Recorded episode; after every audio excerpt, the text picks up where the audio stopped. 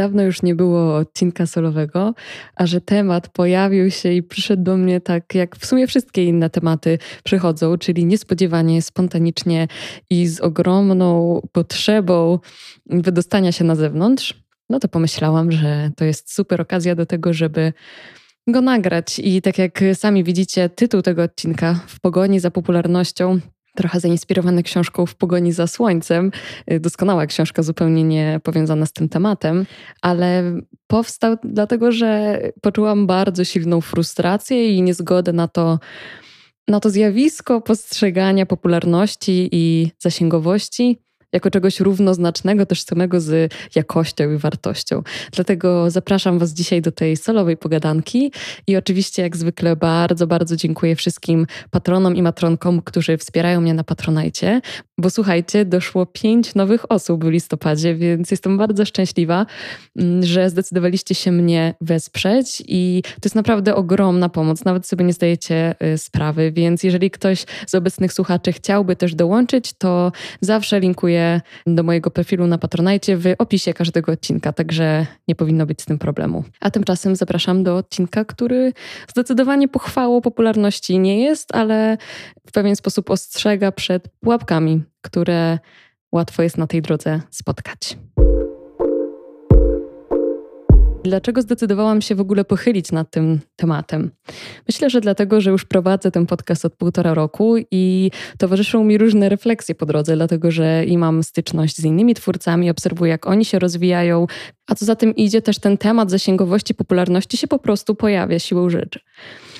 I to, co zaczę zaczęło mnie po prostu uwierać, to jakieś takie bardzo fałszywe i, i zastanawiające przeświadczenie, że im podcast jest popularniejszy, im konto jest bardziej zasięgowe, tym lepiej. No i teraz pytanie, dla kogo lepiej? Bo oczywiście dla marek, które chcą się reklamować, które y, szukają gdzieś potencjalnych klientów, jasne, jest to na pewno kryterium, które można uznać za kryterium jakości danego podcastu czy twórcy. Natomiast dla mnie, jako dla twórcy, twórczyni, Niekoniecznie. I kiedy zaczęłam właśnie oglądać zestawienia najlepszych podcastów polskich albo najlepszych, najbardziej znanych twórców na YouTubie, to zdałam sobie sprawę, że większość z nich w moim odczuciu, w moim jakimś wartościowaniu tych treści, wcale nie należy do tych treści, które są najbardziej jakościowe, najbardziej merytoryczne, w moim odczuciu najwięcej wnoszące do mojego życia. Wręcz przeciwnie, duża część z nich to są naprawdę gówniane kontenty. I zdaję sobie sprawę, że y, może to być y, w jakiś sposób dla kogoś krzywdzące, ale dlatego też nie podaję konkretnych imion czy tytułów kanałów, bo zupełnie nie mam e, takiego interesu, żeby kogokolwiek oczerniać. Natomiast e, widzę jakąś taką tendencję do tego, że te bardzo popularne konta po prostu tworzą strasznie słaby content. Taki, który rzeczywiście się klika, który przykuwa naszą uwagę, ale nie niesie ze sobą tak naprawdę żadnej wartości. I chyba mnie to po prostu bardzo zasmuciło.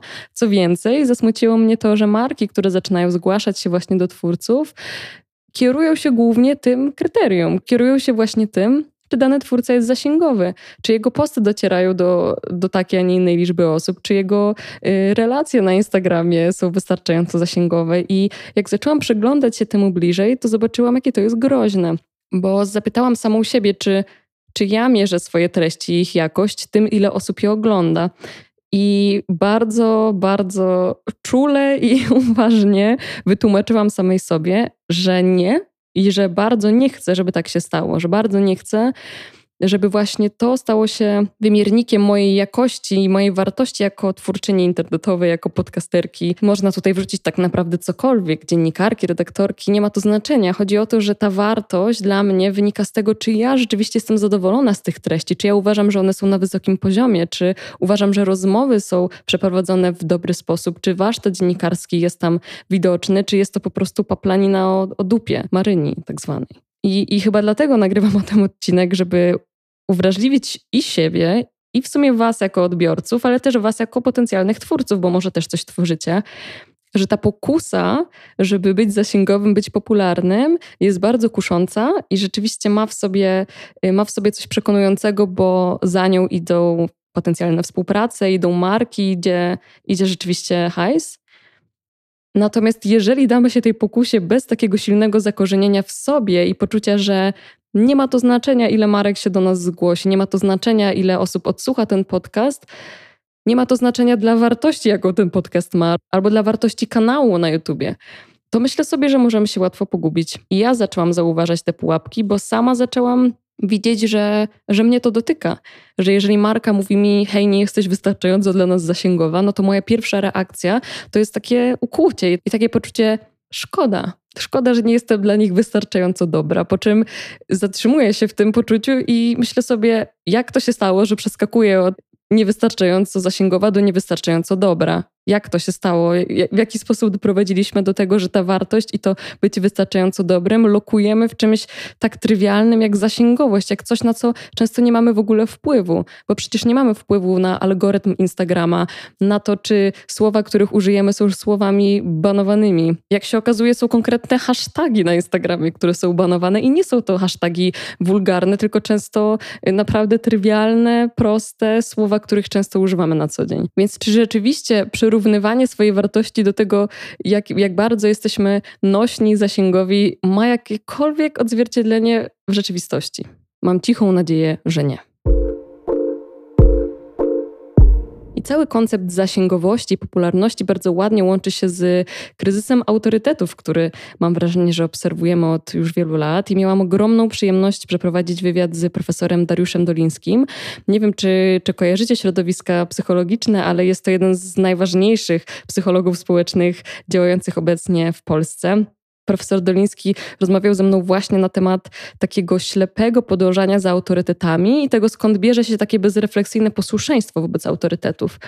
I w pewnym momencie, ponieważ e, profesor jest już trochę ode mnie starszy, to zadałam mu pytanie, co sądzi właśnie o całym zjawisku influencer marketingu, o tym, e, czy to nie jest dla niego też zastanawiające. Profesor oczywiście doskonale wiedział, o czym mówię i, i skwitował to krótko, że jest to po prostu tragedia, dlatego że doświadczamy tak zwanego efektu śpiocha, czyli czytając jakąś treść, czytając jakiś, jakiś wpis w internecie, tylko bezpośrednio po przeczytaniu go zwracamy uwagę na to, kto jest jego autorem i działa na nas wtedy ten autorytet. Natomiast po czterech, pięciu tygodniach, jak powiedział profesor, zapominamy, stąd nazwa efekt śpiocha, zapominamy, kto był autorem danego tekstu Dlatego niesie to za sobą ogromne ryzyko, że będziemy potem powtarzać, powielać treści wypowiedziane przez osoby zupełnie niekompetentne, dlatego że po tych 4-5 tygodniach kto, kto był autorem, nie ma już dla nas znaczenia. Ma znaczenie ta informacja, która z nami została. I popatrzcie, jakie to jest zagrażające w kontekście chociażby mediów społecznościowych że zaczynamy czytać te treści, zaczynamy czytać te chwytliwe infografiki przez osoby, które no właśnie są zasięgowe, więc z jakiegoś powodu przemawia do nas ich autorytet, uznajemy ich treści za w jakiś sposób lepsze od innych. Ale co jeżeli powtarzamy potem treści, które tak naprawdę nie mają żadnego zakorzenienia w doświadczeniu czy w kompetencjach, tylko są pustymi słowami, sloganami, szerzonymi przez kogoś, kto jest tylko zasięgowy, nośny, popularny. Ale w naszej głowie po tych paru tygodniach nie pamiętamy już tego, kto to był. Pamiętamy tylko zawartość tego wpisu. I to jest naprawdę przerażające. I dlaczego o tym mówię? Dlatego, że zaczęłam obserwować takie zjawisko, że ludzie na przykład często polecają sobie jakieś podcasty albo kanały na YouTubie, albo jakichś twórców. I zaczęłam zauważać taką tendencję do tego, że rzeczywiście polecamy ciągle dokładnie tych samych twórców. No i pojawiła mi się lampka, czy to wynika tylko z tego, że tylko ci twórcy tworzą wartościowe treści, że rzeczywiście każdy ich odcinek jest bombą. No i doszłam do wniosku, że nie doszłam do wniosku, że to się bardzo ładnie łączy z, z tym, o czym mówi też profesor Doliński, czyli właśnie o tym, że tworzy się taki dmuchany autorytet. Czyli w momencie, w którym ta osoba staje się popularna, konsumujemy jej treści, to potem uznajemy, że wszystko, co ona tworzy, już jest w jakiś sposób dobre, a nawet lepsze od tego, co tworzą osoby mniej popularne, tylko dlatego, że właśnie tworząc te zasięgi, zbierając coraz więcej ludzi, taka osoba nadmuchuje ten swój autorytet. No i teraz popatrzcie, co się dzieje, jeżeli taka osoba robi to na przykład w złej wierze, albo szerzy dezinformacje, albo fake newsy, i my zaczynamy po prostu konsumować to tak zupełnie bezrefleksyjnie i dmuchamy ten autorytet tak naprawdę sami dla tej osoby. I im więcej osób ją obserwuje, tym więcej osób do niej dołącza i koło się kręci. Ostatnio skończyłam też czytać książkę Tomka Stawiszyńskiego Ucieczka od bezradności, która absolutnie mnie zachwyciła, powaliła i uważam, że jest w punkt. I też pięknie łączy się z tym tematem, że tak naprawdę my jesteśmy bardzo nieoswojeni z tym poczuciem bezradności, z tym poczuciem, że często nie wiemy. I myślę, że to się doskonale łączy z tą potrzebą podążania potem za autorytetami, podążania za osobami, które są popularne, zasięgowe, nośne, bo one dają nam jakieś takie poczucie, że wiedzą więcej niż my na temat tego, jak powinniśmy żyć, jak powinniśmy się czuć i obchodzić sami ze sobą. Podczas gdy to wszystko jest efekt, który tak naprawdę sam się nadmuchuje, który sam się nakręca, a mało ma wspólnego z prawdą. I to, o czym Tomek właśnie pisze w swojej książce, to to, że chociażby na poczucie straty, na zjawisko żał przeżywania żałoby, mamy konkretne łatki, mamy konkretne definicje, które pozwalają nam to odczuwać na przykład tylko przez dwa tygodnie, albo dwa miesiące, albo pół roku. I nie ma miejsca na to, że coś, co przeżywamy, nie ma takiego prostego rozwiązania, albo że coś, co czujemy, będzie trwało i nie mamy pojęcia, kiedy się skończy, i że jesteśmy wobec tego uczucia bezradni, ale że możemy się w tej bezradności trochę tak potaplać, trochę sobie w niej pobyć i poczekać i przeżyć ją tak w pełni, bo to całe doświadczenie ludzkie bez bezradności, smutku, żałoby, straty nie jest pełne. A w nas nadal istnieje taka silna potrzeba, żeby znajdować wytłumaczenia, nakładać łatki. I o tym też Tomek świetnie wspomina w rozdziale mówiącym o modzie na astrologię i o tym, skąd się bierze ta potrzeba tłumaczenia sobie sensu, tłumaczenia sobie, y, dlaczego jesteśmy tacy, a inni, dlaczego podejmujemy takie decyzje, wchodzimy w dane relacje, bo potrzebujemy po prostu odpowiedzi.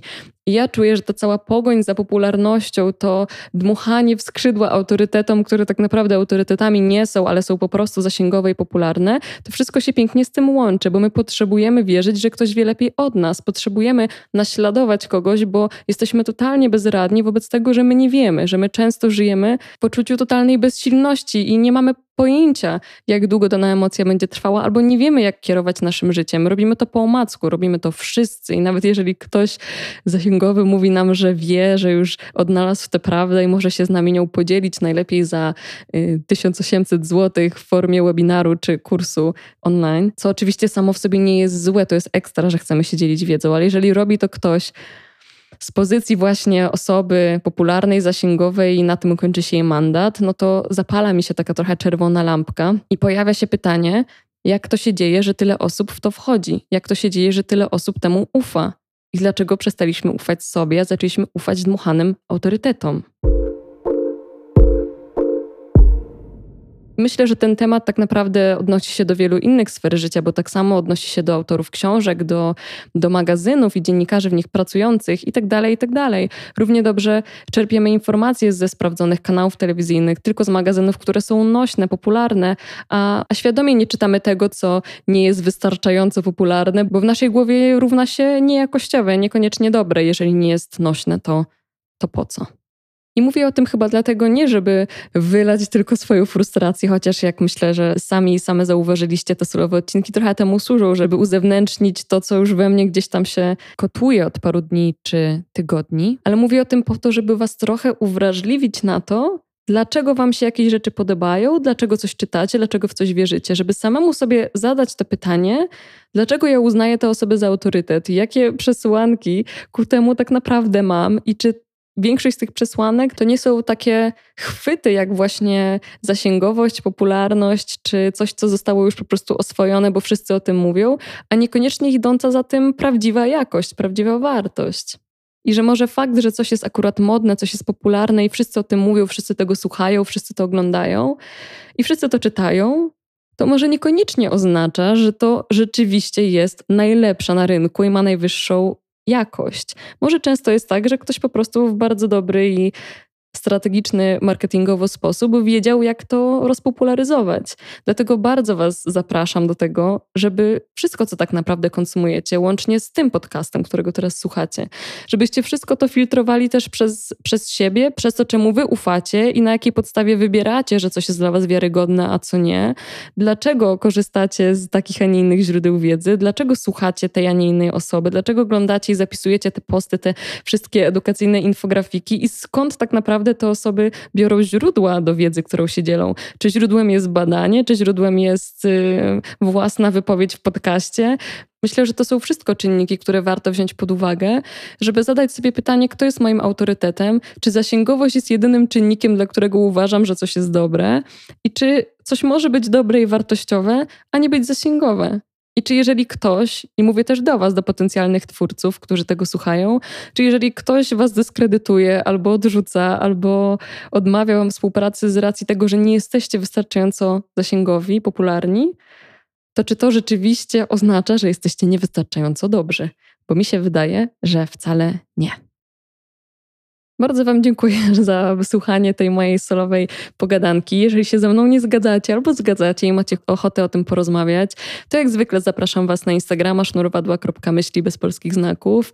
Jestem zawsze otwarta na to, żeby podyskutować i myślę sobie, że szczególnie w dzisiejszym świecie, w którym nie mamy zupełnie kultury dyskusji i jakiekolwiek podważanie autorytetu czy niezgadzanie się z kimś jest odbierane jako y, atak, Myślę, że to jest szczególnie ważne, żebyśmy potrafili ze sobą rozmawiać, potrafili się ze sobą nie zgadzać i nie odbierali tego jako absolutnego podważania autorytetu, co myślę, że w naszej kulturze wschodniej, takiej mocno wertykalnej, w której podtrzymujemy ciągle dystans pomiędzy autorytetem a nieautorytetem, jest szczególnie żywe. Także zachęcam Was bardzo do tego, żeby ten dystans trochę skracać, żeby ze sobą rozmawiać, żeby być otwartym na to, że możemy się nie zgadzać i żeby też być krytycznym wobec tego, dlaczego uznajemy kogoś za wiarygodne źródło wiedzy, a kogoś nie.